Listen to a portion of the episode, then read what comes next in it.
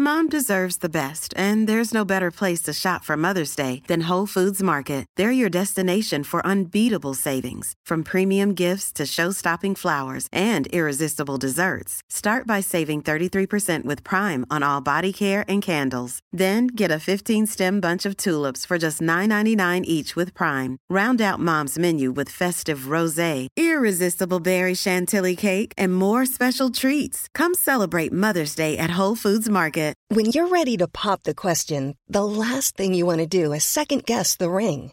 At Bluenile.com, you can design a one of a kind ring with the ease and convenience of shopping online. Choose your diamond and setting. When you find the one, you'll get it delivered right to your door. Go to Bluenile.com and use promo code LISTEN to get $50 off your purchase of $500 or more. That's code LISTEN at Bluenile.com for $50 off your purchase. Bluenile.com code LISTEN.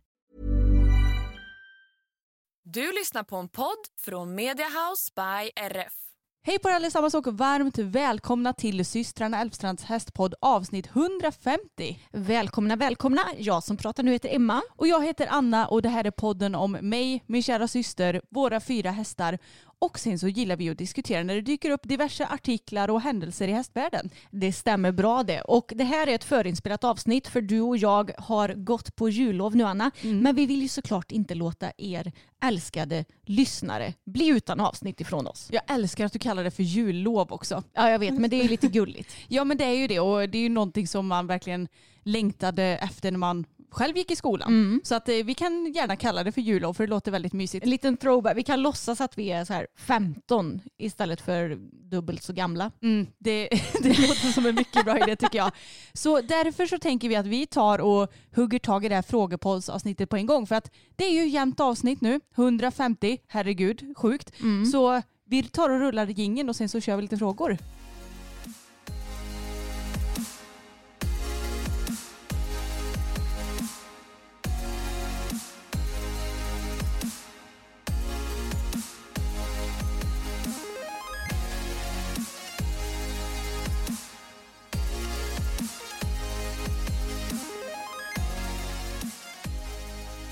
Jag tänker att vi tar och börjar med en icke-hästig fråga idag Emma. Ja. Vad har ni för tatueringar och vad har de för betydelse? Jag har sju olika tatueringar. Nu ska vi se här. Eh, en, två, tre texter och fyra små motiv. Mm. Och egentligen så betyder väl ingen någonting speciellt förutom min systertatuering som är den första. Som du har en likadan. Ja exakt och grejen är att jag hoppas ju att vi har skrivit rätt på den. Det står sororvismea vilket, som, vilket betyder min syster är min styrka Ja, på latin. på latin ja. Och ska det vara annars så betyder det för oss. Exakt. Och det är den enda jag har som betyder något också tror jag. ja. Gud jag måste fundera vad har jag ens för tatueringar? Nej Mm. men det är ju typ det. ja. Och sen så har jag också lite andra motiv. Jag vet inte ens hur många tatueringar jag har ärligt talat. Nej, vi har väl kanske ungefär lika många skulle jag tro. Jag tror det. Jag vet att jag har sju i alla fall. Ja, Jag har eh, en på utsidan av höger arm och det är ju systertatueringen. Sen har jag en text på insidan av vänstra armen. Jag har min lilla katt på min högra handled. den är så söt. Det är min favorit. Det är, trots att typ ingen verkar se att det är en katt, vilket jag tycker är väldigt eh, enkelt. konstigt. Jag, jag kan lägga upp en bild på den på Instagram så Mm. fattar ni vad jag menar. Sen har jag en text i nacken. Jag har ett hjärta bakom höger öra. En eh, vad heter det? diamant bakom vänster öra. Och sen har jag, nu ska vi se, någonting En pil. Ja, någon liten pilgrej nere på vänster fotled. Ja men nu måste jag fundera. Jag tatuerade mig första gången innan jag ens hade fyllt 18. Jag var typ 16 kanske. Ja, när ni var 17. utomlands va? 17 Ja. kanske det var. Då tatuerade jag ett hjärta på utsidan av foten och när jag kom hem jag bara mamma jag har gjort något dumt och hon bara vadå? Blev så här svinsur. Jag bara jag har tatuerat mig och hon bara mhm. Och så drog jag upp och visade och hon bara ja men det var inte så farligt. Hon kanske bara trodde att du bara, jag har knarkat.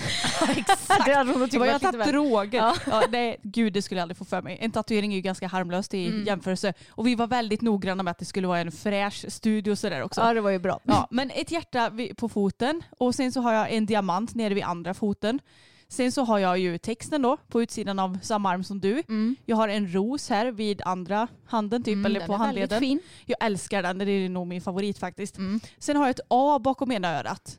Och det kanske kan vara dem. Ja. Jag, glömde ens bort att räkna. Fem. En, två, tre, fyra, fem. Ja, Ja. fem kanske det är då. Om jag inte glömmer bort någon nu. Nej, det var evigt sedan jag tatuerade mig senast. Det var ju när vi gjorde de här, jag gjorde ju tre små tatueringar. Det var ju Mm. katten, pilen och diamanten Mm. som jag gjorde då. Och det var så här tatuering för välgörenhet. Så det var tre små motiv för tusen spänn och så gick det till någon sorts välgörenhet. Jag kommer inte riktigt ihåg. Ja, Och det var ju, vad kan det vara, sex år sedan? Ja, Ja. 2016. Jag har faktiskt blivit lite sugen på en tatuering till. För att en eh, kompis till oss har tatuerat en jättefin häst i typ så här, vad ska man säga, väldigt avskalad stil. Mm. Jag visade ju dig Mm. den och då blev jag väldigt sugen men samtidigt så känner jag bara vilken av alla hästar ska jag välja i så fall? Det känns som en väldigt stor grej Jo. att någon ska pryda min kropp i så fall. Ja, jag förstår. Så jag får suga lite på den karamellen. Mm. Jag känner ingen stress att tatuera mig men jag tycker att det är kul med tatueringar och jag tycker också att det är väldigt fint. Det är det. Men det är ju tyvärr inte billigt heller. Nej det är ju inte det och jag känner att jag har inte riktigt råd och så här. Jag tycker det är skitsnyggt med sliv och sånt där Mm. också. Men jag har varken råd eller tid eller ork till det Nej. känner jag. Hur hanterar ni en häst som är stökig på stallgången? Och jag antar att du menar att hästen inte vill stå still och kanske är lite stressad och sådär. Och vi är ju väldigt noggranna med att våra hästar de ska stå still när man sitter upp, de ska stå still i stallgången. Och många hästar kanske kan vara lite stökiga i början när de kommer till ett nytt ställe för att de är lite stressade. Det är nya människor de ska lita på. Så jag tänker att när du får hem en ny häst, det är inte konstigt ifall den beter sig kanske lite mer stressat, rör sig lite mer mot vad den gjorde. När du var och tittade på den till exempel så var det ju med Pebban till exempel. Hon Mm. var ju lite mer yvig när hon kom till oss. Men nu har hon lugnat ner sig jättebra och står väldigt still. Ungefär lika still som våra andra hästar skulle jag säga trots att hon inte rids eller har ridits under hela hösten. Nej och jag tänker också att det är ju skillnad på att röra sig och röra sig. En Mm. häst måste ju få liksom, ja, men väga över till ett annat Ja, ja. ben eller liksom Klia sig. Ja, och göra lite sådana grejer. Men det är klart att den får inte stå och skrapa och hålla på och gå från höger till vänster och Nej. backa och hålla på. Alltså att man ser att den är stressad och inte kommer till ro. Mm. Men det vi gör det är ju att vara extremt eh, konsekventa. Och går den framåt, ja men då backar vi den. Mm. Minst de stegen den har valt att gå fram. Mm. Gärna kanske något extra så att det verkligen blir tydligt att Ja. nu står du still. Och det är egentligen det man gör, alltså korrigerar hästen. Går den till höger, ja men då tar man den till vänster. Ja. Och en häst som skrapar, Mm. det är vi också noggranna med att så här, nej det där får du inte göra, Ja. då får man liksom säga ifrån. Mm. Nej och så backar vi den lite så att Mm. det ändå blir också en liten korrigering i själva rörelsen. Mm. Det är ju typ det värsta jag vet när hästar skrapar på gången. Ja. Alltså. Japp. Och sen så kan man ju med fördel också ge godis när hästen är lugn eller om du har flyttat på den och den har flyttat på sig så mycket som du vill. Alltså jag tänker att det här är ett beteende som ändå går ganska så snabbt att ändra på tycker jag. Ja, i alla fall har det gjort det för oss. Det är Ja. klart att det kanske är olika för olika hästar men det har gått ganska fort för oss. Mm. Och något något som faktiskt är viktigt också det är att kanske ta gärna lite extra tid i stallet i början. Att man, ja men säg att det kanske brukar ta en halvtimme att göra i ordning hästen. Ja men dra ut lite på tiden. Låt det gå en 40-45 minuter då. Mm. Förutsatt att du har tid för det och inte känner dig stressad. Eh, Alltså hellre lägga mer tid i stallet än i sadeln i början nästan. Ja, jag håller med. För att då hinner hästen lite komma till ro också. Jag menar om man bara ska så här, så kratsa hovar, borsta, sadla, ut. Ja då är det ju redan lite av ett stressmoment Mm. För hästen. Det är ju bättre att man tar det lite manjana så att de också får ta det lite lugnt och känner att ja men matte hon är lugn så då kan jag stå här och chilla. Ifall ni hade haft en superkraft, vilken hade det varit? Det hade ju varit kul att kunna flyga och väldigt praktiskt också sätt att ta sig fram. Det är typ min värsta mardröm. Jag är ju höjdrädd. Men man måste ju inte flyga så högt. Fy fan vad sjukt om du hade kommit Sväva. och flugit ut så här i hagen och hästarna vad i hela friden. Mm. Ja, men så det är väl antingen det eller att Ja, kunna du får bara välja en. Ja. Skulle du säga osynlig? Vad Ja. tänker du göra? Sno mat och sådär? eller Vad tänker du? Exakt, så här, gå in i affären och sno massa godis. eller smink. Fast hur Mm. hade det gått till? Då hade ju godispåsen svävat eller? Ja, eller om man hade haft en sån osynlighetsmantel Som i Harry Potter. Ja, nej men okej jag säger flyga då. Alltså osynlig känns ju ändå som att så här, såvida du inte är ett creep som ska typ spana på folk så är det väl ingen praktisk egenskap. Nej men om man kan välja att vara det själv. Typ så här. Ja, sant Ja. i och för sig. Om Ja, man jag, inte hade vill velat, jag hade inte velat vara det hela tiden men så här, om, Nej, om man jag. inte vill eh, så här, pra, jag som är lite introvert, det, det är ju perfekt. Kan jag bara Om du ser någon du känner i affären Ja. som du inte vill prata med bara tjong. Ja, exakt. Oj, där var Emma borta. Ja. Gud, tänk om någon bara, men gud jag tyckte jag såg Emma här Ja. och så bara, Nej, det var... nej du är osynlig. Ja. Ja, jag hade valt att kunna trolla. Mm. För jag hade, då hade jag trollat fram massa bra grejer. Mm. Sen vet jag inte, det kanske eh, hade funnits lite restriktioner i Harry Potter till exempel. Man får inte trolla fram mat till Nej, exempel. mat eller man kan ju trolla Pengar saker att man inte- städa. Mm. Men man kan ju inte trolla hur som helst. Liksom. Nej. Men att trolla hade varit väldigt praktiskt Mm. faktiskt. Det hade jag velat kunna göra. Hur rids Tage just nu? Ja, han rids eh, ungefär fyra dagar i veckan. Ibland tre. Ibland fler. Det Mm. beror lite på. Vi väljer liksom att lägga ja, men den tiden vi har över. Ja. Nu när vi har haft det väldigt hektiskt i en period så har han ju kanske fått prioriteras bort lite för jag tycker att det är bättre att han får en vilodag än att vi jäktar ihop ett ridpass. Precis, men i snitt fyra dagar i veckan kan man säga. Ja, och vi försöker väl att rida ut så mycket som möjligt på honom för att det är det han tycker är roligast. Men jag tycker också att det är viktigt att underhålla hans kropp lite på banan så att någon gång i veckan så brukar det bli något pass på banan och gärna då med lite bommar eller någonting för jag tycker Mm. att det är roligare än att bara rida ren dressyr. Och gärna i halsring för min del för jag tycker att det är kul. Ja, och sen så också, vi brukar ju försöka rida med bett kanske någon dag i veckan för, Ja. att få, ja, men för att få honom att jobba så korrekt som möjligt så att vi ändå fortsätter att eh, ja, men aktivera hans kropp på ett bra sätt. Exakt. Men ja, det blir ju mest lite så här skoj med honom. Utritter, rida i halsring, det är ju väldigt kul att göra på honom. Ja, men det är ganska skönt att ändå ha bestämt att nu tar vi och lägger ner kraven väldigt mycket för jag tycker att jag uppskattar våra pass mycket mer nu än Ja. när man så försökte att få ihop seriösa dressyr och hoppass. Liksom. Men jag tänkte att vi kan prata lite om hur vi har tänkt göra med vintervila på hästarna. Och vi kan ju säga som att Pebban kommer ju vi prioritera så att hon kommer igång.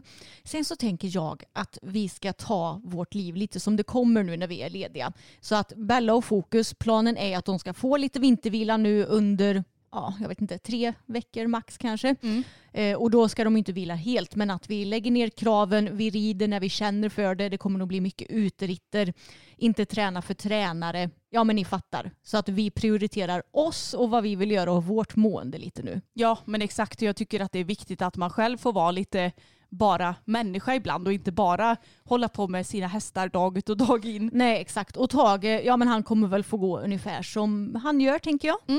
Vi har fått en fråga, skall det är det icke snart till Norge? Eh, vi har ingen plan på det. Nej, men jag vill så gärna åka till Norge. Jag vill Jo. åka upp till ja, men lite mer Nordnorge och se alla fina Mm. berg. Och, ah, Ja. jag har sett bilder därifrån och det ser ju helt fantastiskt ja ut. jag vet, jag vill också det. Ja, vi måste, vi måste åka till, eh, åka till Norge någon gång. Ja, men vi är så dåliga på att åka iväg överhuvudtaget. Det Jag är vet. visserligen inte så lätt när man bor på gård och har fyra hästar och bara kunna hej då nu åker vi iväg i eh, två veckor till exempel. Nej, alltså framförallt inte vintertid skulle jag säga. Nej. För att det är kanske lättare för oss att åka iväg på sommaren. För jag menar, ja men då ska de ha flugskydd och de ska kollas och de ska ha vatten. Men det är ju liksom det de behöver. Sen har ju de gräs. Ja. Det är inte så mycket arbete med dem då och då är det enklare att åka iväg. Så att vi får, la, vi får boka in någon Norge-typ till, Ja. ja. kanske inte till sommaren, det får vi se, men någon gång. Någon gång. Anna, vilken av våra hästar skulle du säga är modigast? Bella skulle jag nog säga. Bella och Pebban skulle jag säga. De, Mm. de är ganska de- är modiga båda två.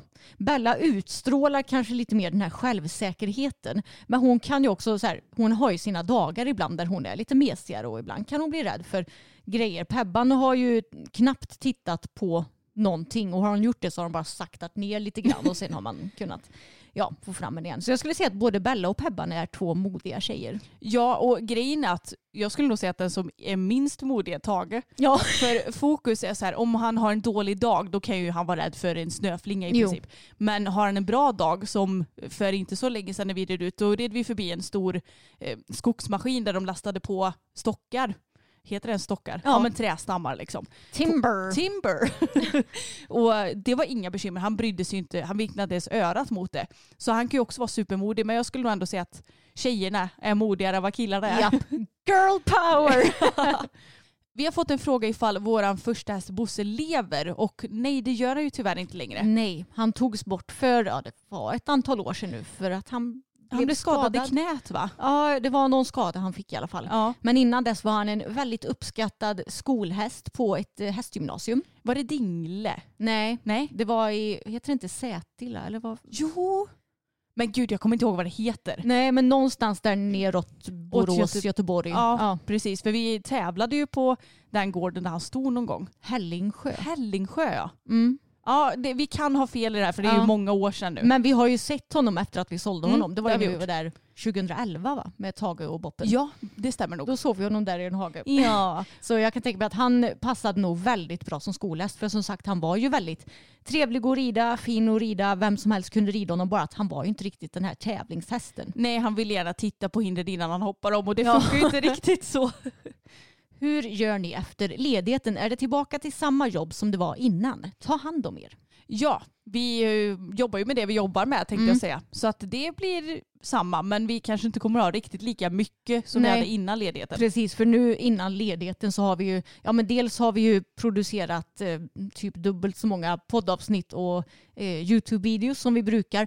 Men sen har det också varit, det har varit Black Week och det har varit eh, jul och sådär så då är det ju en del samarbeten som ska upp också. Mm. Jag tror det kommer bli lite lugnare med det i januari kan jag tänka mig. Ja. Så det, har, det var liksom mycket av allt innan vi gick på ledighet. Så jag tror att januari kommer nog bli desto lugnare jämfört med november och december. Ja, så det känns ändå ganska skönt att det blir ju kanske inte mjuk start men det blir ju ändå inte riktigt så Nej, hektiskt. exakt.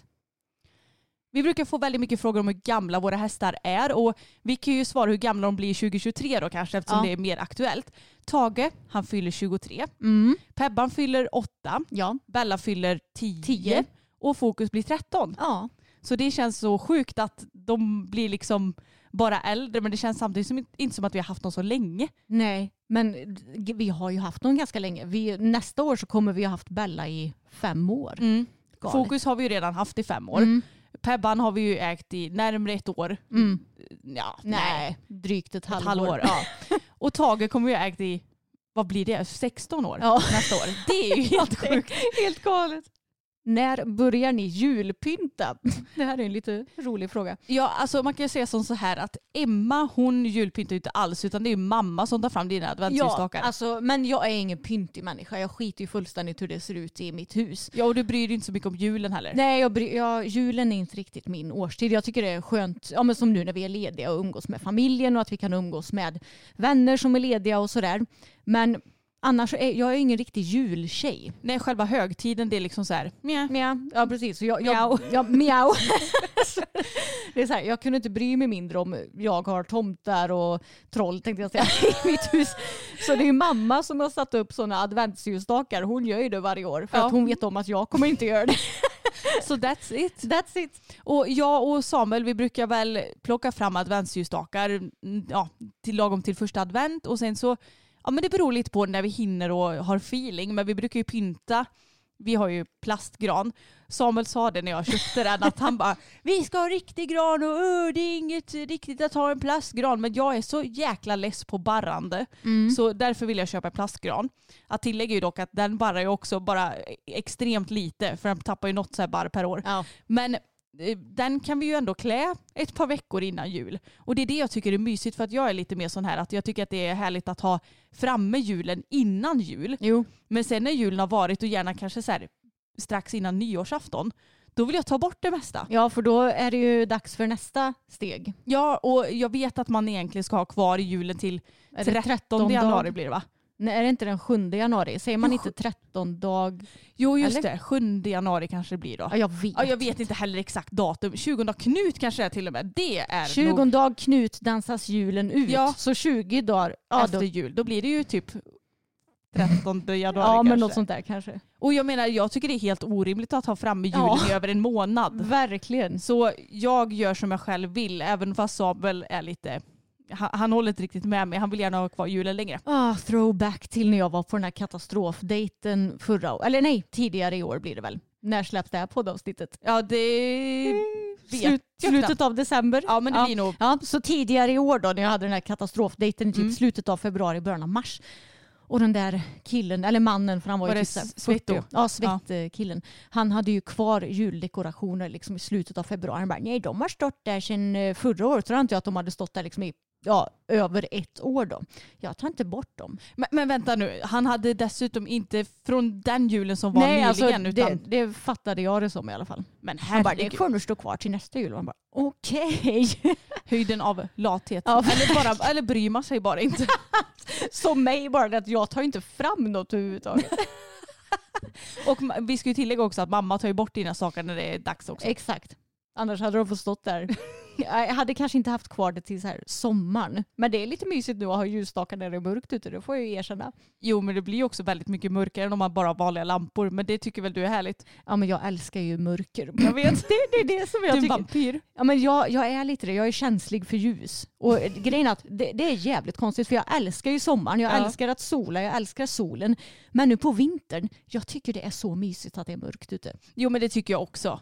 Det Jag känns ju som att älskar- man sover lite bättre Ja men då. jag älskar mörkret, att det är mörkt och man kan tända ljus och ha det så här mysbelysning. Jag bor i en liten grotta, ah, det gillar jag. Anna, finns det något i hästsporten som vi har olika åsikter om? Mm, bra fråga. Kommer vi på någonting? Nej jag tror inte det va? Nej, vi är ju så lika. Vi är ju det. På gott och ont ibland kanske. Ja. Det hade kanske varit mer utvecklat om vi hade tyckt lite olika om saker. Jo, jag vet. Men vi har ju också samma bagage Jo. och eh, samma gener. Så kanske... Och tränar för samma tränare. Ja, så det blir ju lite så kanske. Ja, nej, jag, jag kommer inte på någonting nu i alla fall. Nej, inte vi, heller. vi får återkomma ifall vi får något svar på den där frågan. Ja. Är ni intresserade av politik? Om ja, vad är era hjärtefrågor? Nej, egentligen inte. Jag är väl relativt insatt. Eller så insatt som jag tycker att man bör vara för att kunna rösta eller få rösta. Ja. Men jag är inte engagerad i politik och jag har inte direkt några hjärtefrågor heller. Men det är väl också för att under hela mitt vuxna liv, alltså det har ju funnits olika regeringar under den tiden och jag tycker liksom inte att det har varit knappt någon skillnad på hur det har varit i Sverige. Du, jag håller med dig om det Precis, faktiskt. så därför så känner jag att det spelar väl inte så himla stor roll kanske vilken regering vi har för att folk klagar hela tiden på samma frågor. Det är sjukvården, ja nu har det ju varit eh, dieselpriserna, Mm. eh, det är eh, skolan, det är äldreomsorgen, eh, det är skatter. Alltså folk klagar alltid på, På samma, saker. frågor. Mm. Och sen så känns det som att det blir ingen skillnad beroende på vem det är som styr landet. Nej, Så det är det som kanske gör mig lite oengagerad när det kommer till politik. men i och för sig är det inte sossarna och moderaterna som har varit liksom, eh, främsta under alla år som vi ändå har fattat vad politik är. Jo, säkert. Så jag menar det kanske hade varit en större skillnad om Vänsterpartiet hade eh, till exempel. Ja, kanske. Men sen så är det också vissa frågor, till exempel sjukvården och sådär, det har ju med landsting att göra och vissa saker har med kommunen att göra. Så Ja. det är också svårt att säga så här, ja, det här. Men överlag har vi inte märkt så stor skillnad direkt. Nej, men exakt. Så det, det är väl kanske lite därför. Jag Mm. tänker att ett land som Sverige, det kanske inte blir så där extremt stor skillnad. baser- Alltså beroende på vem eller vilka som sitter i regeringen och inte. Nej och det kanske är lite på gott och ont för det är klart Mm. att det är ju lite av en trygghet att det ändå är lite samma samma. Jo. Samtidigt som det är ju störigt för de som verkligen vill kriga för sig sjukvården och så bara det blir ju för fasen ingen skillnad. Eh, Och de som vill ha skillnad ja. Mm. Ja, nej men överlag så Sverige är ju ett väldigt bra land att leva i så Mm. jag tycker att eh, vi har inte sådär jättemycket att klaga på kanske. Nej det är klart att det kan ju alltid bli bättre men Ja. ja.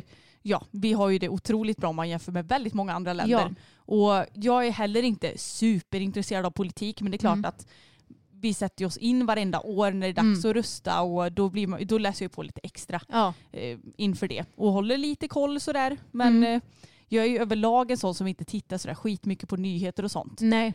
Eh, för att det inte faller sig naturligt i min vardag och för att jag om det är mycket så här hemskheter, typ när det var så här, ja, men coronapandemi och sen så började kriget och det var bara så här, Mm. sak på sak. Då kände jag bara, jag blir bara ledsen och deppig. Mm. Och dessutom så mådde jag ju väldigt dåligt i den perioden också. Ja. Så det blev bara så här, nej men fan allt är ju bara ett stort mörker. Mm. Så då orkar jag inte riktigt eh, vara så himla engagerad Nej. när det kommer till sånt heller. Nej, men jag förstår. Men eh, har du några hjärtefrågor då? Någonting som du kanske tänker på lite extra när du röstar till exempel? Nej men alltså det skulle jag faktiskt inte direkt säga. Jag Nej. tror att jag är mer en sån här overall snarare än att jag Ja. går på en viss fråga. Ja men precis. För mig så skulle jag nog säga att det är ja, men dels entreprenörskap och jämställdhet.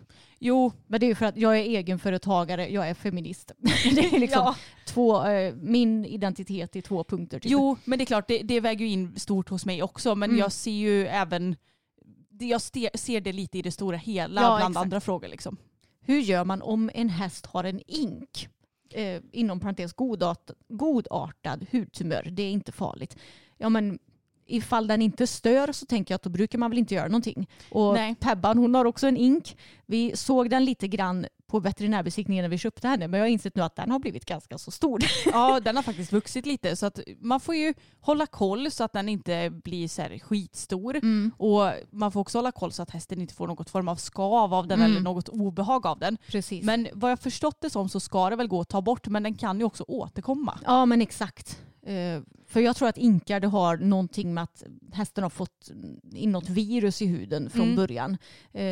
Så ja, det, det kan vara lite lurigt och jag har också förstått som att om man börjar greja med inken så kan den komma tillbaka eller spridas och växa. Så man får, väl, man får väl ta det lite som det kommer och jag tänker inte göra någonting i onödan. Exakt. Men sen såklart om den stör. Boppen hade ju också en liten ink på magen, Mm. kommer du ihåg det? Ja det kommer jag ihåg. Eh, men den var ju inte i vägen för sadeljorden eller stördes av skänken eller något sånt där. Hade den gjort det så hade vi ju fått göra något åt det. Ja och jag tänker också att är man lite osäker på om hästen störs av vinkeln eller inte, ja men då får man väl ta in den till en veterinär så att den kan Mm. ge sitt uttalande om det. Kommer Fokus tävla och hoppa högre i framtiden eftersom att han har kapaciteten för det? Alltså antagligen inte. för han har ju en riktig mespropp till matte och eftersom Mm. att han tydligen inte vill hoppa med någon Nej. annan än mig just nu i alla fall Nej. så känner jag att eh, vi kommer att eh, på sin höjd leka runt på 80-90 och det får vara det. Ja, men du får ta lite som det kommer. Jag tycker absolut att du ska ut och eh, testa lite. Du kanske kommer få blodad tand Anna. Jo jag vet, vi får väl se lite men Mm. just nu så känner jag mig inte särskilt sugen på hopptävla överhuvudtaget egentligen. Mm. Eh, Så att, eh, alltså jag har ju sagt att jag ska hopptävla nästa år. Mm. Så jag får väl se till att göra det någon jäkla gång. Ja, men du är ju duktig på hoppning också. Och Tack. det är ju väldigt roligt att hopptävla. Det blir ju mer adrenalin och det är också så här, det jag gillar med hoppning det är att lite så här, vem som helst kan bli placerad. När det är dressyr, ifall du tävlar mot, säg att jag, jag är etablerad på medelsvår C-nivå så kommer det någon som har startat medelsvår A med sin häst. Då har inte jag någon chans mot det Nej, ekipaget basically. Även om de får missar så kommer ju antagligen inte jag komma upp på samma nivå. Men om jag startar en, en meter och tävlar mot någon som har startat 1,20 Alltså jag kan ju fortfarande slå den om jag rider snabbare. Ja. Det, det är lite det som jag gillar med hoppning också, att det är lite mer öppet i resultatlistan om vem som kan vinna och komma sist och allt vad det nu är. Ja och den som har ridit 1,20 den kan ju likväl riva. Alltså Ja. alla kan ju göra tabbar. Exakt. Så att det är ju som du säger, det är ju roligt av den aspekten. Mm. Men jag får väl helt enkelt bara försöka och kan man inte bara få köpa mod i tablettform och Ja. äta det? Det hade varit väldigt trevligt om man hade kunnat göra det. Nej men jag tror att det kommer. Ja. Eh, Jag får ju bara se till att träna mer helt enkelt. Men Precis. just nu så känner jag att kanske till eh, våren, sommaren, något sånt där. Nu börjar ju fokus bli så fin i dressyren också på tävling. Ehm, så jag tänker att du kanske kommer börja året med lite mer dressyr på honom och sen till våren. Ja och jag känner också att eftersom att det är dressyr jag tycker är roligast så vill jag ju såklart prioritera det. Men eh, ja, vi får se vart det landar. Jag kanske sadlar om helt och bara nej fasen vi kör hoppning. Har ni något bästa minne med era nuvarande hästar? Det, jag har ju inget minne överhuvudtaget. Nej, samma här. Så jag vet inte om jag kan svara på den frågan. Det finns så många fina minnen. Men eh, mitt Mm. minne de senaste åren i och med utmattningssyndrom och allt det där, alltså jag, det, det är som ett fluffigt mörker. Ja, det, det är lite tråkigt Mm. men jag tänker att det kanske gör att vi är ännu bättre på att leva i nuet ändå. Ja, men eh, jag tror det faktiskt. Men jag kommer på, ja, Tage, vi har ju haft honom så länge så det är ju många minnen som betyder väldigt mycket. Men jag måste säga att ett minne som jag har med honom, det var ju när jag lyckades ta mig runt felfritt i Vänersborg, vår första hopptävling på tio år och hoppade 80 eller 85 vad det nu var. Ja. Och det kändes som en så jävla vinst. För att jag kände bara efter alla år av osäkerhet och eh, ja, men jag menar jag tävlade honom en gång och sen så blev det inte av något mer för att jag trillade av och kraschade in i en oxer och ja men vi ramlade av otaliga gånger på hoppträningar och det kändes bara som att ja, men självförtroendet det var så långt ner att man inte ens kunde se det. Liksom. Mm. Och sen så bara att kunna återhämta sig, att kunna rida, att kunna tävla och rida felfritt. Och han tyckte att det var skitkul dessutom. Mm. Det var så himla häftigt faktiskt. Och med fokus, jag vet inte riktigt. Det roliga är att man tänker ju nästan på tävlingar det första man tänker när man Jo. tänker på minnen. Men det är ju kanske för att tävling ser man ju lite som en avvägning för hur träningen Ja, går men också. exakt. Så det kanske egentligen inte är så konstigt. Men jag tyckte också att det var så jäkla häftigt när vi, det var ju första gången så vi blev felfria på tävling, det var ju i Götene. Mm. Och det var också så här, jag vet att jag red i mål och bara duktig, duktig. Och Ebba, du sa ju det att publiken typ skrattade Ja, åt mig för att jag betedde mig som att jag hade vunnit en världscupfinal. ja liksom. Men eh, det är också så häftigt när man märker att arbetet man lagt ner verkligen ger Mm. Så det är ju ett väldigt fint minne med honom. Ja. Med Pebban, ja. Ja, men alltså jag, det jag minns kanske mest med henne det är ju när vi provred henne. Ja. Att det blev så här, verkligen klickade och att vi gillade henne så, henne så mycket redan från början. Vi kände oss så trygga med henne, hon var så rolig. Och sen när hon kom hem till oss, vi har ju bara bra minnen därifrån för hon har ju, ja, förutom att hon har skadat sig då, men Jo. jag menar när vi har varit med henne för hon är ju helt underbar. Mm. Men jag får nog säga provridningen med henne och att det verkligen sa klick. Ja, men jag håller faktiskt med. Och med Bella så tror jag nog att det var när vi insåg att hon faktiskt skulle funka igen efter Mm. sin diskskada. Att vi bara, men gud, för vi tänkte ju bara, "Ah, ja men eh, hon kommer ju antingen att få somna in eller så kommer hon få, ja i bästa fall ställas i avelsboxen liksom. Ja. Jag tänkte att det var helt kört. Mm. Men när vi började och liksom rida, i, eller ja, inte rida igång, först så fick vi ju tumköra igång henne. Och när vi sen kunde börja rida och man kände att så här, men gud det går faktiskt framåt. Det var ju helt otroligt. Ja, verkligen. Och nu under hela hösten och början av vintern har jag ju så många fina minnen också för att hon har varit så himla fin. Och ja, men hon blir verkligen bara bättre och bättre och roligare och roligare. Den här poddens klyschiga Ja, mening, men exakt. det är faktiskt sant. Mm. Nej men en sak som ni aldrig kan åka utan till tävling. Men det finns ju många saker man inte kan åka utan. Ja, men jag tänker, alltså det finns ju grejer du måste ha. Du Ja. måste ju ha nummerlapp och du måste ju såklart ha din utrustning. Liksom. Och hästen. Och hästen. Mm. Ja. Men finns det någonting som du bara, det här kan inte åka utan. Jag vet vad det är. Vattenflaska. Ja, exakt. Ja, vattenflaska säger jag då. Ja, jag skulle säga fikakorg. Mm. För att jag, ja men det är klart att jag försöker ju stötta klubbarna också genom att köpa mat och sådär. Men jag tycker det är viktigt med energi och jag vill gärna veta att det finns något som jag ändå uppskattar att stoppa i mig. För att ibland så åker man till tävling och bara skitsamma, jag orkar inte fixa någon mat och så blir man så himla besviken. Ifall det inte finns någon mat som Ja. passar en liksom. Så mat. Har ni spelat in ett poddavsnitt när ni har varit ovänner? Eller mindre bra vänner?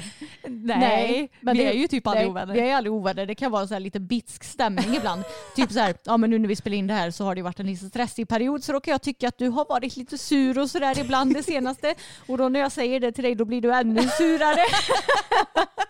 men sen så går ju det över. Ja, men det är grejen med mig. Ibland så behöver jag höra saker och bli lite argare och sen så brukar jag bli lite bättre tror jag. Ja, jag tror att pappa håller med mig om att du har varit lite sur Ja. det senaste för det har gått ut lite över både honom och mig. Ja, och det har jag också bett om ursäkt för. Ja, det har du gjort. Som när vi red ut eh, ja, för några dagar sedan nu när vi spelade in och hästarna kr- krånglade så mycket. Och pappa, han är ju pappa så han ställer ju lite frågor som du tycker är, stö- så, som du tycker är störande. Och då var det väldigt hårda ord mot honom. Jag bara, nu är du tyst pappa, det hjälper inte. Mm. Han bara, och så sa du, då kan ju, nej, han sa jag ska inte rida ut med dig någon mer gång. Och då sa du, ja men då kan du rida ut med Emma då för ni är såna jävla kompisar eller sånt där. Ja men ni har ju så en fantastisk relation Ja. och det är aldrig några bekymmer och allt vad jag sa.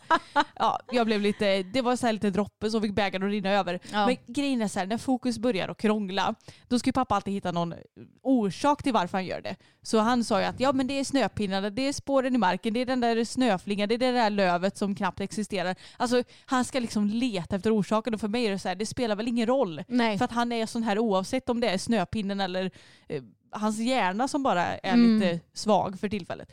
Så jag blev lite frustrerad.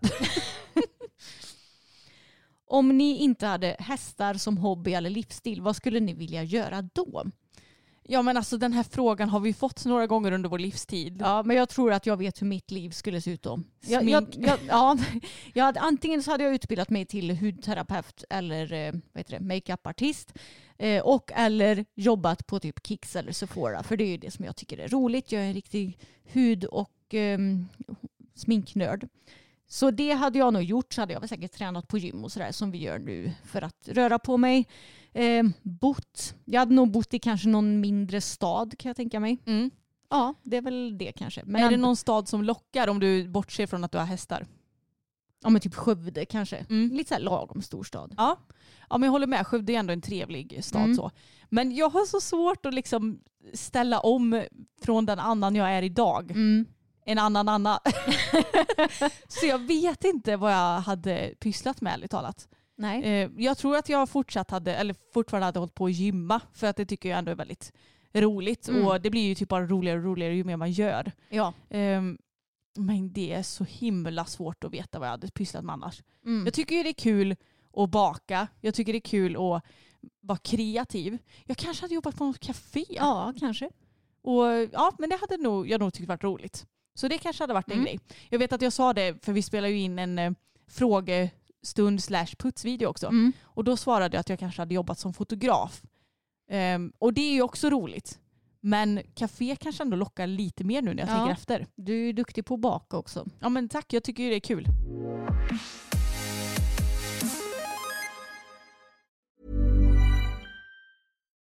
Millions of people have lost weight with personalized plans from Noom, like Evan, who can't stand salads and still lost 50 pounds. Salads, generally, for most people, are the easy button, right? For me, that wasn't an option. I never really was a salad guy. That's just not who I am. But Noom worked for me. Get your personalized plan today at Noom.com. Real Noom user compensated to provide their story. In four weeks, the typical Noom user can expect to lose one to two pounds per week. Individual results may vary. Hiring for your small business? If you're not looking for professionals on LinkedIn, you're looking in the wrong place. That's like looking for your car keys in a fish tank. LinkedIn helps you hire professionals you can't find anywhere else, even those who aren't actively searching for a new job but might be open to the perfect role. In a given month, over 70% of LinkedIn users don't even visit other leading job sites. So start looking in the right place. With LinkedIn, you can hire professionals like a professional. Post your free job on linkedin.com/people slash people today. Tror ni att Anna kommer debutera Medelsvår A nästa år? Nej, det tror jag absolut inte. Vänta, vad är det Medelsvår A? Det är byten i var, Var fjärde, va? fjärde. Eh, och så är det väl halvpiruett. Ja. Mm, Är det... jag tror det är något sånt. Men Mm. det känns som ett alldeles, alldeles, alldeles för stort steg. För att Ja. dels så har vi inte ens kvalat till Medelsvår B2. Nej, eh, än. Och då ska man lyckas kvala från medelsvår B5 till medelsvår A också. Ja. Eh, så att det, det är ett jätte, jättestort steg. Eh, Mm. det kommer vi absolut inte hinna med Nej. att göra. Men det är klart att må, alltså, jag, jag kan lika gärna dra målet för året då. Mm. Jag tänker att jag vill etablera mig lite mer i medelsvår C tror jag. Mm. Och medelsvår B1 såklart. Och sen så får vi se, hinner vi med så startar jag väl medelsvår B2 när det lider. Mm. Eh, Men hinner vi inte det så är jag liksom inte jätteledsen för det. Nej, du tror inte att ni kommer komma upp till Medelsvår B5? Nej, det tror jag nog inte. Nej, Eller alltså, vem vet? vi får se såklart. Men vi har ju inte befäst byten än. Nej precis. Men i Ehm. början av året Medelsvår C1 och Medelsvår B1 och Ja. sen så får ni se hur utvecklingen går helt enkelt. Ja, jag känner lite att med tanke på att vi är mitt i så här bytesträning och vi behöver befästa det så kan jag liksom inte planera allt för långt i förväg. Nej. Så. Vad är den absolut godaste maten ni ätit i hela era liv? Kommer du på någon sån Emma? Nu är det här med mitt minne igen. Men jag har ätit riktigt bra vegomat på restauranger och jag gillar ju så här när det blir lite fräsch eh, vegomat. Jag vet jag åt något så himla gott på vad heter den restaurangen i Varberg på eh, Jätterön? Uh, Hattaviken. Hattaviken Mm. ja, med så här typ gulbeter och ja, men jag, jag, alltså jag minns typ inte alls vad det var. Nej. Men när det är så här fräsch vegomat och även var det ju väldigt gott på restaurangen i Borås med jordärtskock jordärtskocka. Ja just det, Mm. tre olika jordärtskockesorter Mm. typ. Exakt. Nej men alltså jag vet inte men ska man vara sån? Typ det godaste jag vet. Det är ju bara en vanlig margarita med mild kebabsås här på pizzerian in till mig. Ja, jo men alltså det är ju Det är gott. det, som, det, är det jag njuter av allra mest när jag äter. Ja, men du och jag vi är ju inte så pretentiösa när det kommer till mat. Och jag är ju kanske lite sån som, ja men jag kan tycka att gör vi, ja men skulle jag till en kompis till exempel och den bara, ja men jag har köpt eh, pizzakit så gör vi pizza. Då hade jag bara, gött.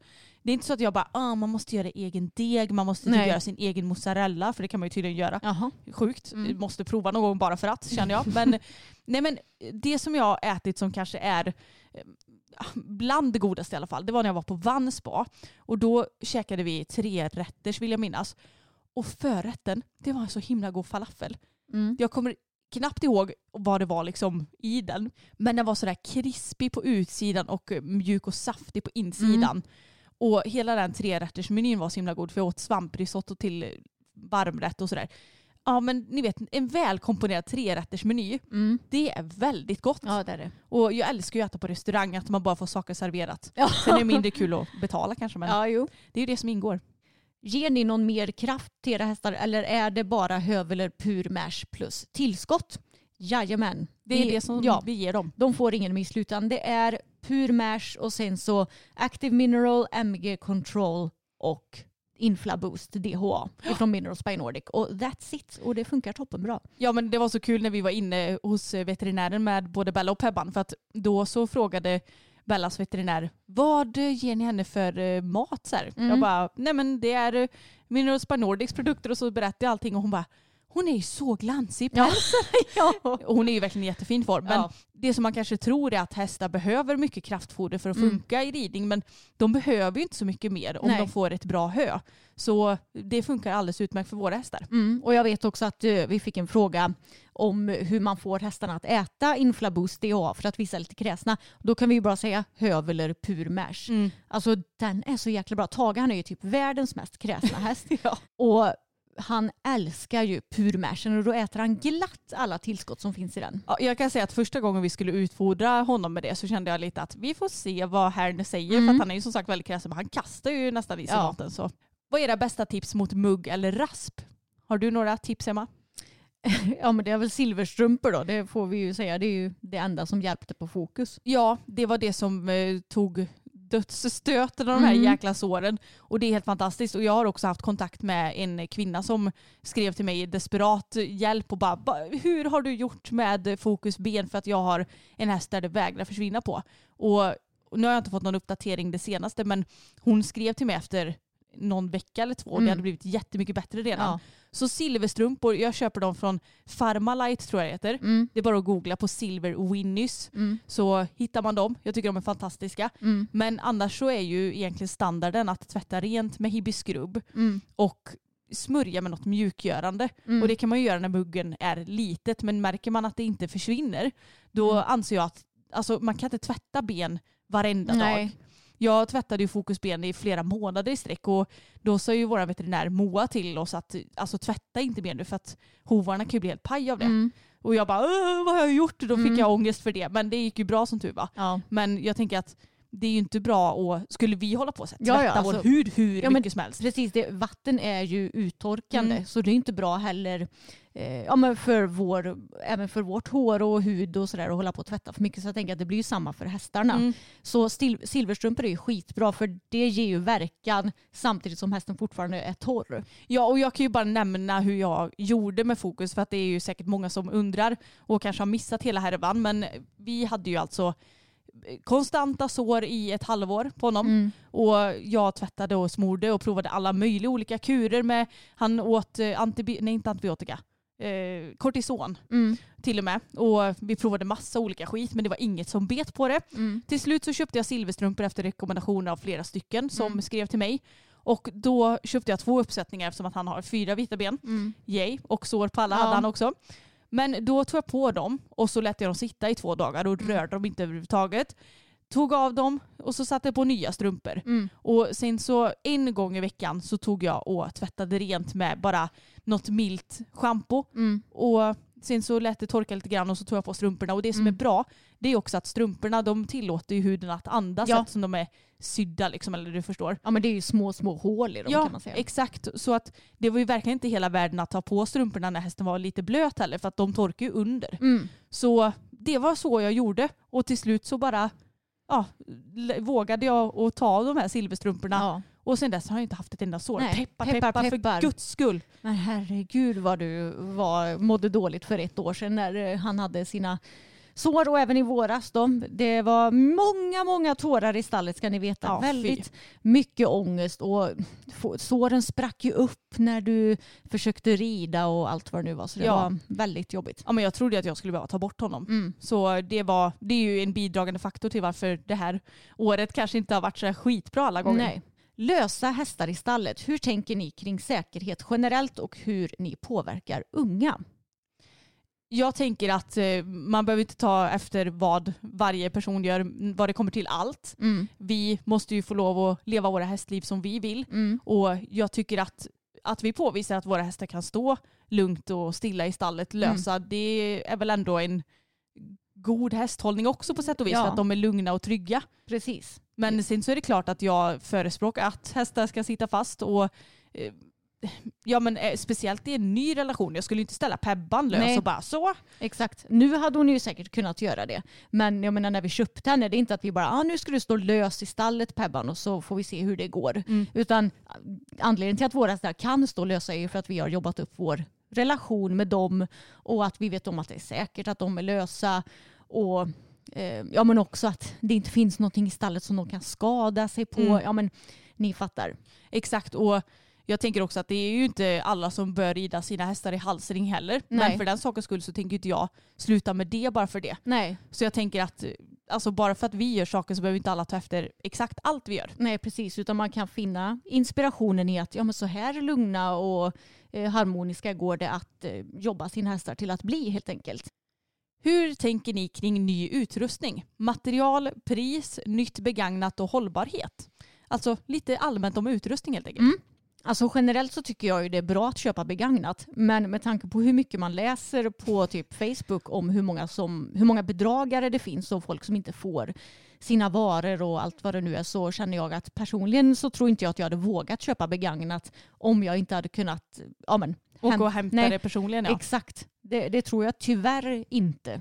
Och sen är det också positivt för oss för vi har ju ett företag där vi kan köpa in utrustning på och dra av momsen så jag menar priset blir ju ja, 20 procent billigare för oss. Mm, precis.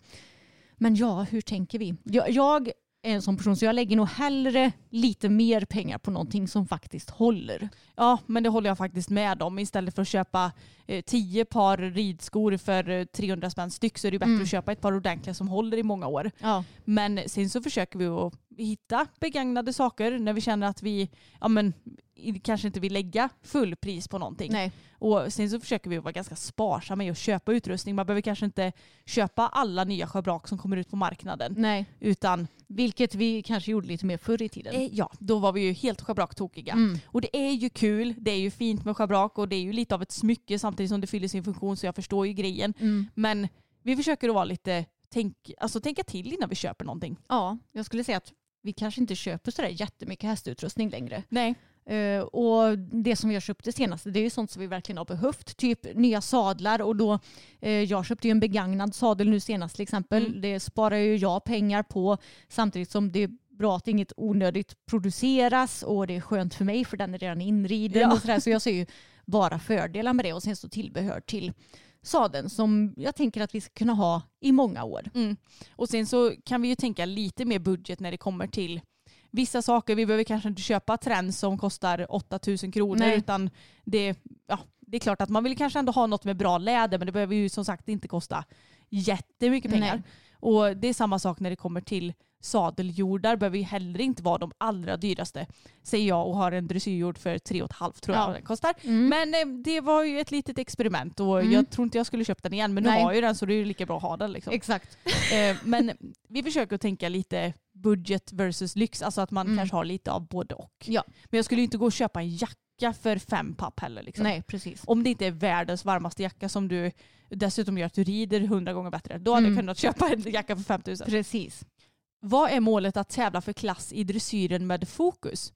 Alltså en väldigt bra fråga. Jag tror inte att jag har något så slutmål. Nej, men han är ju lite oberäknelig också så Ja. vi får lite se vart det hela landar. Ja men jag tänker det, alltså, han är ju ändå 12 år nu, fyller 13 nästa år, så han börjar ju ändå bli lite äldre. Han är absolut inte gammal och jag Nej. tror ändå att han kan, ha- han kan nog ha kvar glansdagar när han är 15-16 också, om Ja, inte något annat händer. Jag tror att han är en väldigt hållbar häst. Mm, det tror jag och hoppas jag också. Men vi får, alltså, jag tar det lite vad det kommer. Jag vill ju självklart försöka utveckla både min ridning och utveckla honom så mycket jag bara kan. Men sen om det slutar i medelsvår B eller om det slutar i medelsvår A eller om vi kan klättra ännu högre. Alltså, jag är ödmjuk för vad framtiden har att visa helt Mm. enkelt.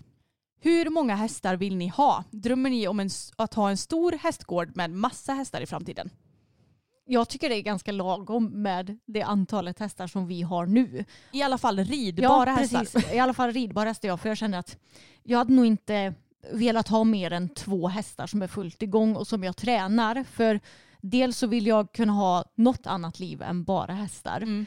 Och sen så vill jag kunna lägga kvalitetstid på varje häst också. Och det tycker jag, där går kanske två hästar min gräns som jag ska hinna med att både jobba, träna själv på gym och och eh, ha ett annat liv förutom hästarna med. Ja, jag håller med. Alltså två hästar var menar vi då. Ja, så att vi har fyra hästar Mm. totalt.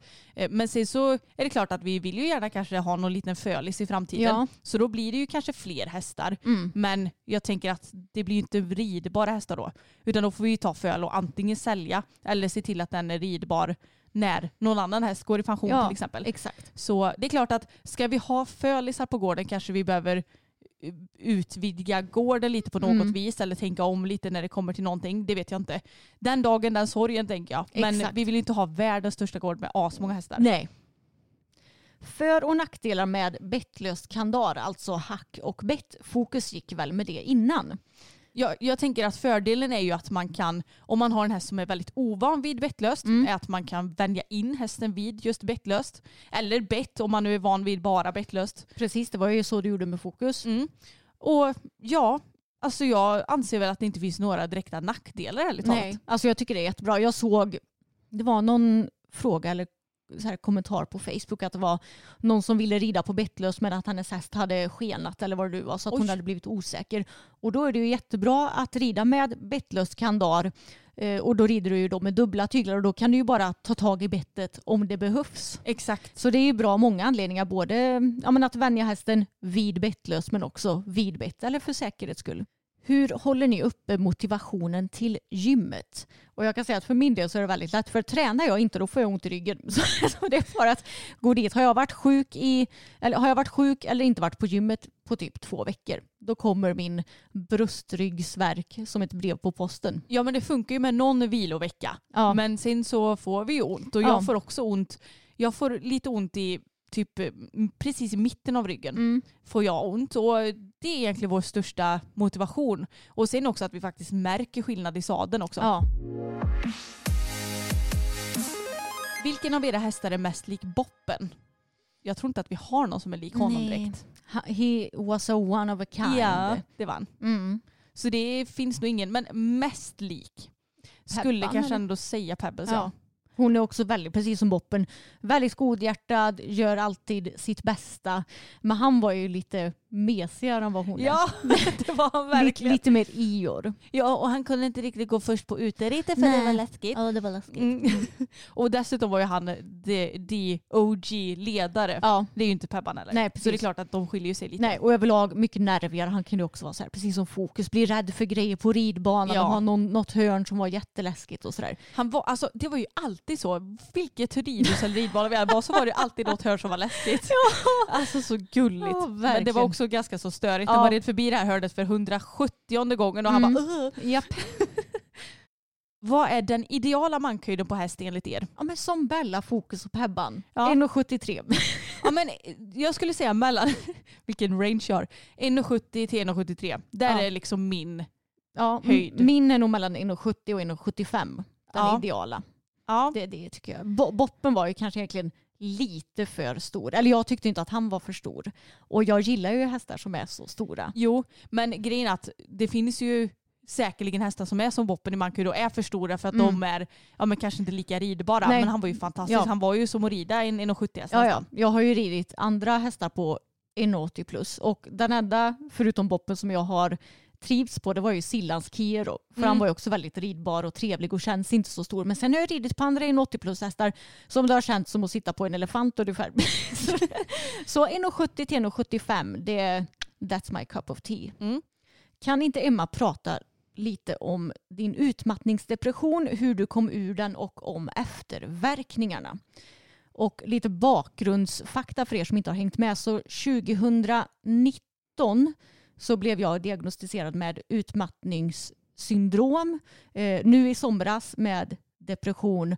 Eh, och i och med att jag fick min utmattningssyndromdiagnos så blev jag också diagnostiserad med hypotyreos. Så innan jag fick den här diagnosen hade jag ju både hypotyreos, vilket innebär att sköldkörteln inte funkar som den ska så att kroppen går på sparlåga och jobbar för långsamt med allting.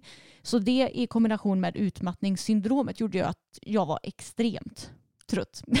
Och frusen. Och frusen, precis. Nej men, jag tycker det här med utmattningssyndrom och depression är så svårt för jag vet att det, det kan te sig så olika beroende på vilken person du är. Jag vet många går ju in i väggen och sen så kan de inte ta sig upp på morgonen till exempel att det bara säger tvärstopp. Mm. Medan som för mig så har det kommit mycket smygande och när det kommer smygande så blir ju det den nya, det nya standardmåendet för dig. Mm. Så det blir nästan så att ja, men du tänker inte på att du mår dåligt eller du tänker inte på att du är trött för att det är så här du är van vid att må numera. Ja, men för dig så känns det ju lite som att det kanske har varit väldigt diffust när du har varit som sämst och när du egentligen har kanske kommit lite mer ur det. För att som du säger, det är ju lite stegrande både uppåt och neråt kanske. Ja, precis. Men några symptom som jag hade innan jag fick min diagnos det var ju dels eh, ja, men stress såklart att jag kände mig stressad, att jag kände mig utmattad, att jag var extremt trött. Sen så hade jag också extrema sömnsvårigheter Mm. förr i tiden. Alltså jag sov kanske en, två timmar per natt. Och mm, ja, det var väldigt eh, svårt helt enkelt och jag mådde inte så bra. Men sen så gick jag i KBT när jag fick den här diagnosen och då jobbar du med ja, men hur du ska tänka, hur du ska handla för att ändra på dina tankar och känslor kan man ju säga. Mm. Känslor, beteende, tankar. Ja, precis. KBT. Ja. Det är det som du gör. Och jag tyckte att det funkade väldigt bra för mig. Jag eh, fick aldrig några, någon submedicin utskriven heller. Utan jag fick ja, men försöka jobba med att ändra på mitt beteende och sådär för att på sikt få en bättre sömn. Och Var det ett val som du gjorde eller var det ett val som din KBT ja, det var ett val som min psykolog gjorde. Yes. Eh, annars hade jag nog gärna eh, tagit emot sömnmedicin kan jag säga. För Mm. så lite som jag sov då, det var helt orimligt. Men eh, ja, det funkade ju. Eh, Sömnen blev ju bättre och bättre. Jag tycker att min utmattning har blivit bättre och bättre. Främst så har jag ju lärt mig mycket mer nu hur jag ska tänka och hur jag ska lägga upp min tid, eh, hur, vad jag ska prioritera. Så jag tycker ju, jag är väldigt nöjd med att jag gick i KBT. Mm. Kan varmt rekommendera det ja, men oavsett vilket problem du har skulle jag säga. För jag tror att det är bra mot väldigt många olika mm, psykiska problem som du har. Men vad gör du idag då om du märker så här att eh, fasen nu, nu får jag en liten varningsklocka om att det är lite för stressigt. Vad gör du då? Ja men bra fråga. Nu har vi ju haft det ganska så stressigt ett tag. Mm. Men jag tror att jag, jag försöker vara mycket i nuet. Mm. Grejen är att vi har ju haft så himla mycket nu och det som vi har gjort då, då är att vi har skrivit upp exakt vad vi ska göra varje dag. Sen har vi gjort det och sen att jag verkligen släpper det på kvällen så Mm. att jag inte sitter och har ångest för att nu måste jag hinna med och göra det här och det här i veckan utan jag jobbar klart det jag kan för dagen. Sen så ja, men blir det soffan och någon serie, kanske försöka tänka på annat. När jag ska sova, att jag inte försöker tänka på det jag ska jobba med eller framtiden utan ja, men bara försöka andas ut, läsa. Mm. Väldigt bra tips tycker jag om du har svårt för att sova, svårt för att varva ner. Gör yoga, läs på kvällen. Väldigt bra. Och jag vet inte om jag är lite nördig, men när jag ska sova då brukar jag tänka igenom ett perfekt dressyrprogram eller en perfekt hoppbana. Ja. Det vet jag att jag har pratat om tidigare i Ja, podden. men det, det är ett bra tips. Det Och det att, faktiskt. och att inte använda mobilen speciellt mycket på kvällen. Nej. Också väldigt viktigt. Försök lägga ifrån dig den även om jag vet att det är svårt. Mm. Eh, men, ja, men om jag ska jämföra med hur jag mår nu. Eh, I somras så började jag äta antidepressiv medicin. Den har jag faktiskt eh, minskat på nu. Så nu äter jag, ja jag har halverat den. Märker än så länge ingen skillnad på mitt mående. Så jag tänker att det har nog också blivit bättre. Mm. Själva depressionen. Eh, men det var ju mycket i somras också när Pebban blev skadad och det kändes som att det var bara så jävla mycket skit som Ja. har hänt mig. Så lite så här droppen som fick bägaren att rinna över. Mm, verkligen. Ehm, men ja, alltså efterdyningar. Jag har, som sagt, mitt minne. Det, det är jättedåligt. Mm. Och det har varit det i många år nu, även om det har blivit bättre. Det var ju värre för några år sedan, mitt minne. Ehm, korttidsminnet. Katastrofalt dåligt. Ja. Alltså så, här, ja, men så kan det vara än idag. Bara, vad, vad gjorde vi igår?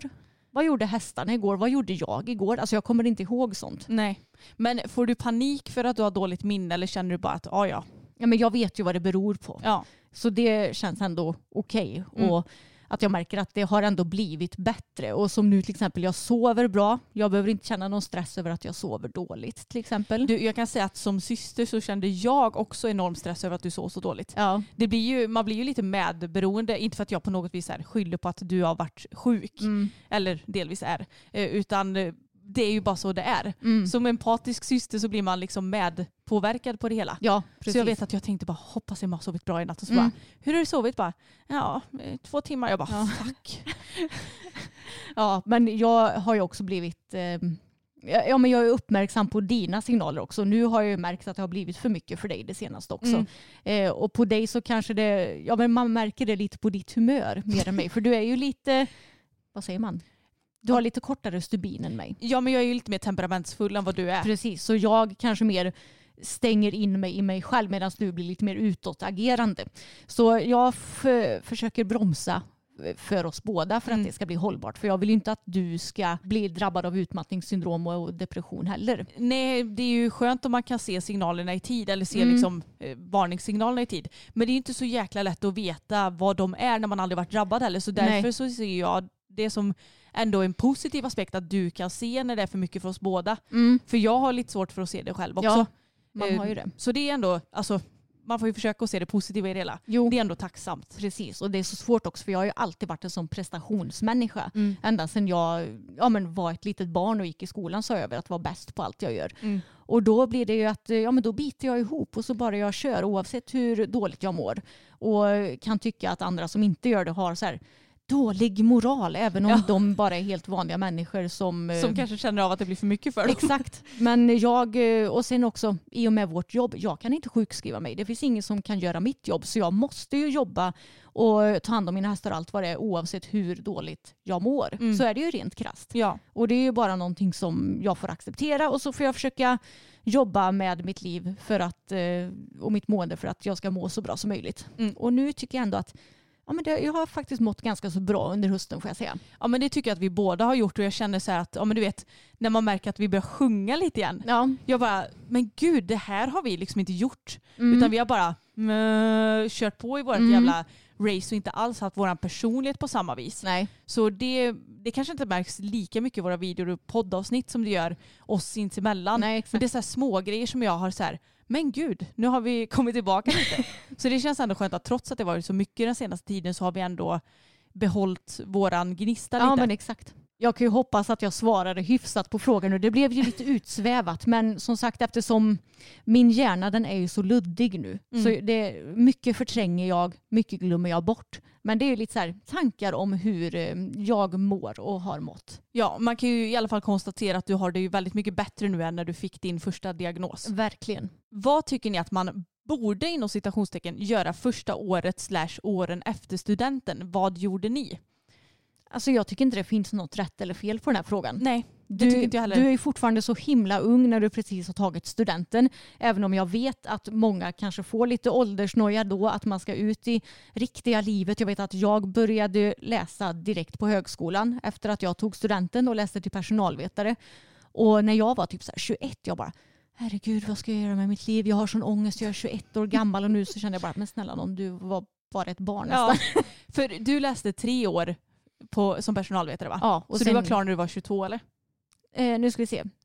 Ja, jag skulle nog fylla 22 va? Ja, ja, Eller? ja det måste du ha blivit. Mm. Ja. Mm. Ja. Och sen så läste du till lite kurser ett år till efter det va? Ja, exakt. Mm.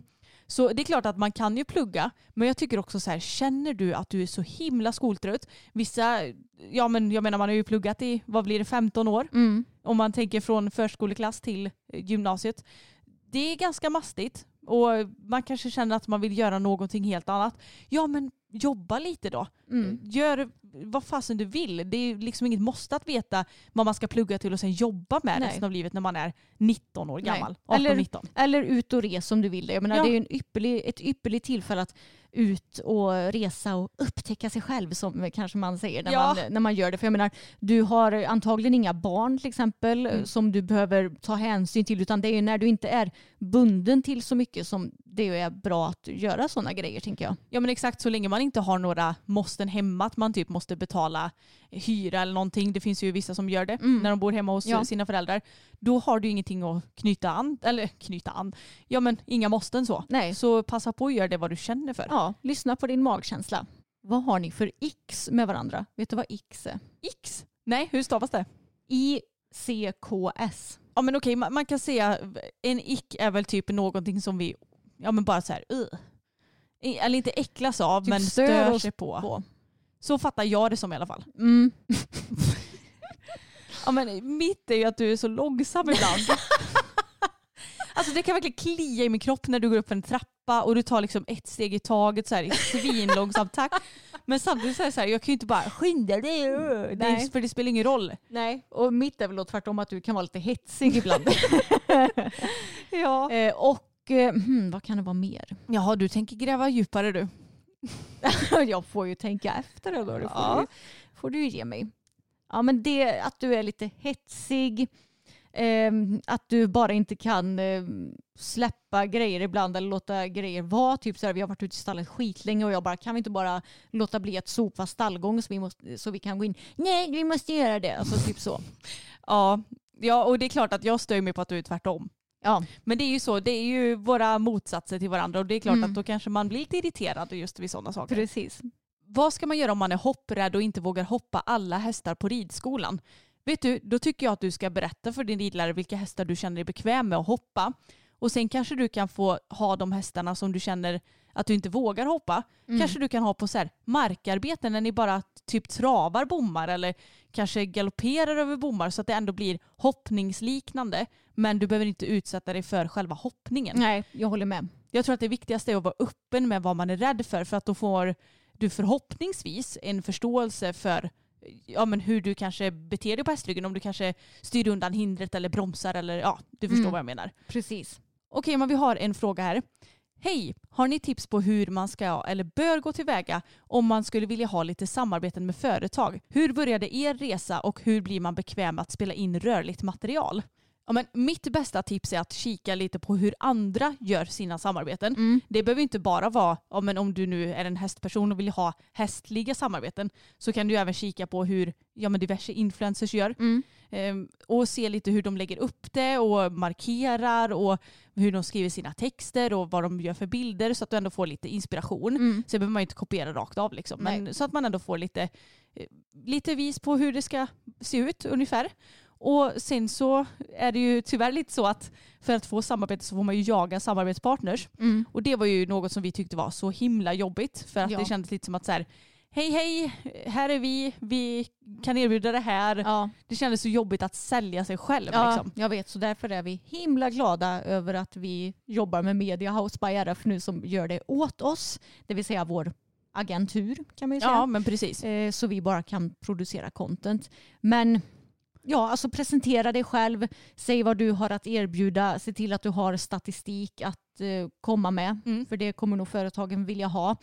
Eh, hur många följare du har är egentligen ganska så ointressant. Det viktiga är ju vilket engagemang du har. Exakt, och hur man kan spara ner statistik och sånt det kan man ju googla på. Mm. När det kommer till både Instagram och TikTok och sånt antar jag. Ja.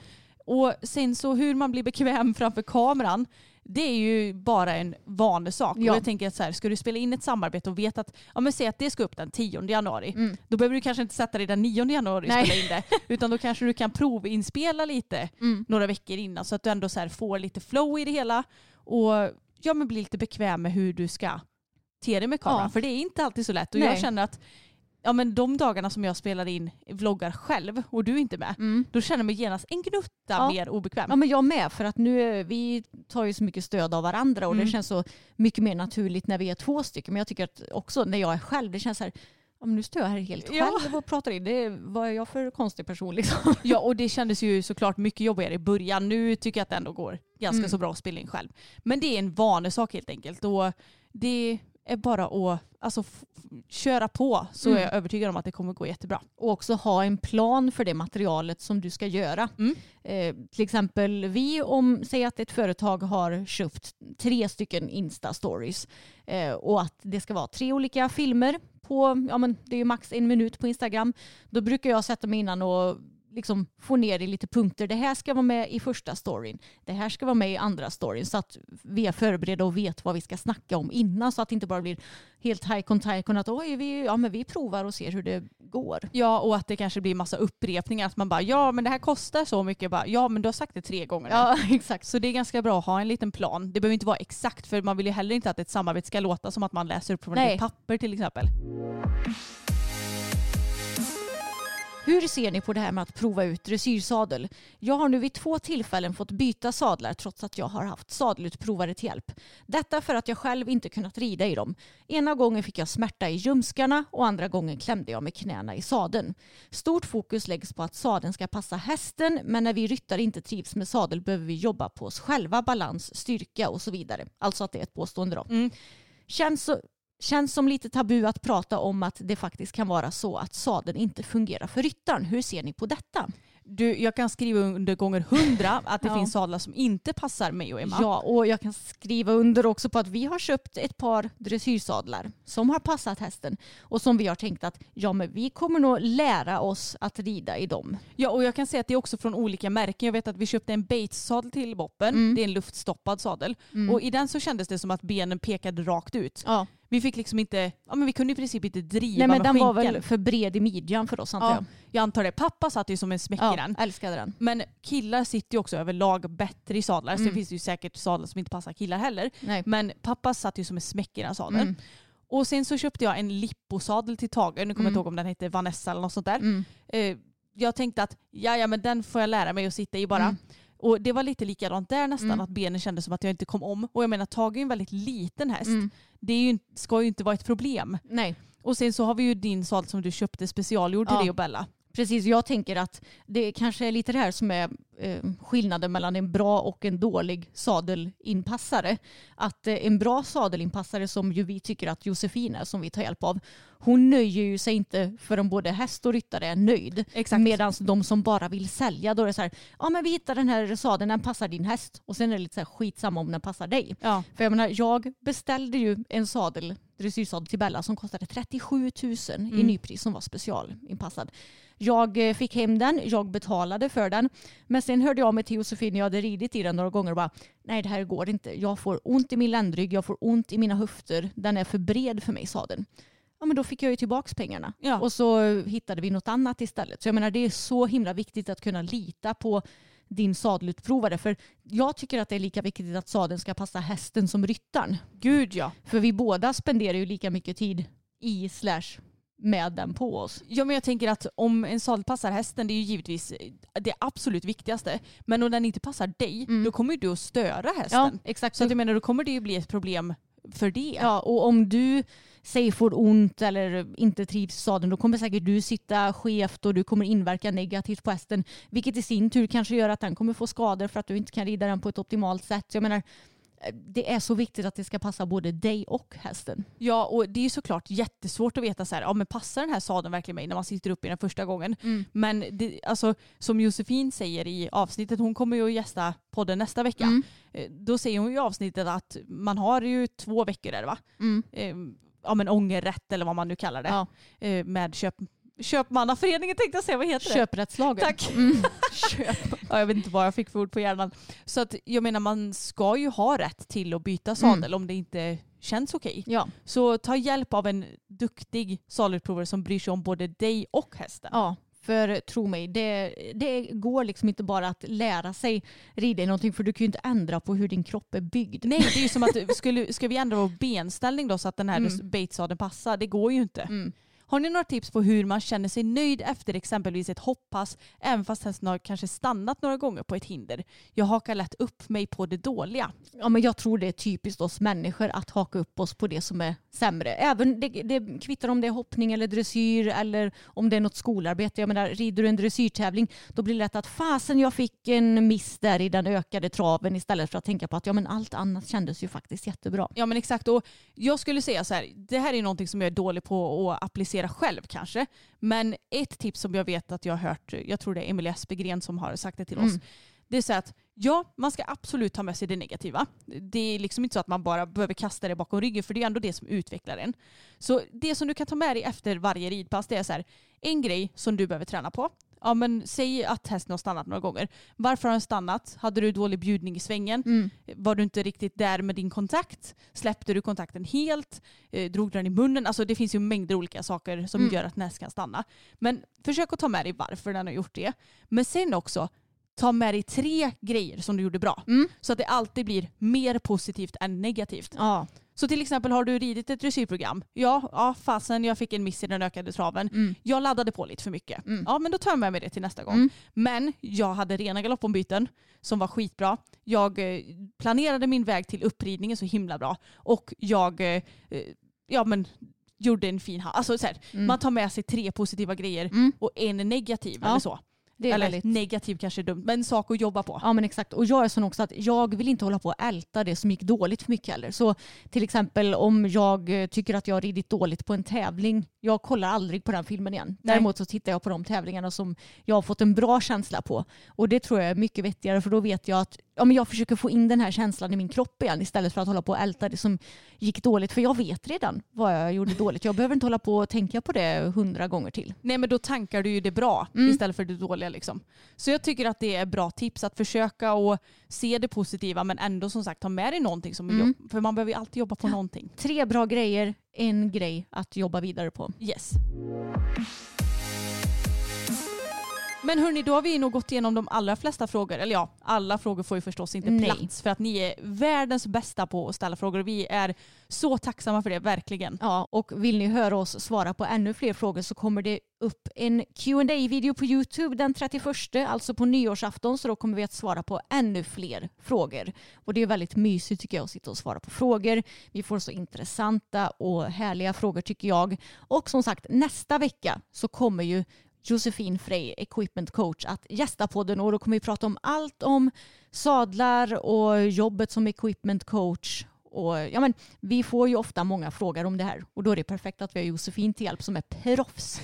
Exakt, för det är vi inte själva. Nej. Och vi vill också önska er ett gott nytt år. Mm. För nu hörs vi inte förrän nästa år. Det Nej. känns ju lite knäppt att Ja. säga det. Och ni får gärna prenumerera på vår podd som ni kan göra ja, i vilken app ni än lyssnar i. Och sen så finns vi också på YouTube. Där heter vi systrarna Elfstrand. Och det heter vi också på Instagram. Stämmer bra det. Ha det bäst hörni så hörs vi igen nästa vecka. Det gör vi. Hej då! Hej då! Imagine the softest sheets you've ever felt. Now imagine them getting even softer over time. That's what you'll feel with Bowl and Branch's organic cotton sheets. In a recent customer survey, 96% replied that Bowl and Branch sheets get softer with every wash. Start getting your best night's sleep in these sheets that get softer and softer for years to come. Try their sheets with a 30-night guarantee. Plus, get 15% off your first order at bowlandbranch.com. Code BUTTERY. Exclusions apply. See site for details. This message comes from BOF sponsor eBay. You'll know real when you get it. It'll say eBay Authenticity Guarantee. And you'll feel it. Maybe it's a head turning handbag, a watch that says it all, jewelry that makes you look like the gem, or sneakers and streetwear so fresh every step feels fly. eBay gets it. So look for the blue check mark next to that thing you love and be confident that every inch, stitch, sole, and logo is checked by experts. With eBay Authenticity Guarantee, you can trust that feeling of real is always in reach. Ensure your next purchase is the real deal. Visit eBay.com for terms.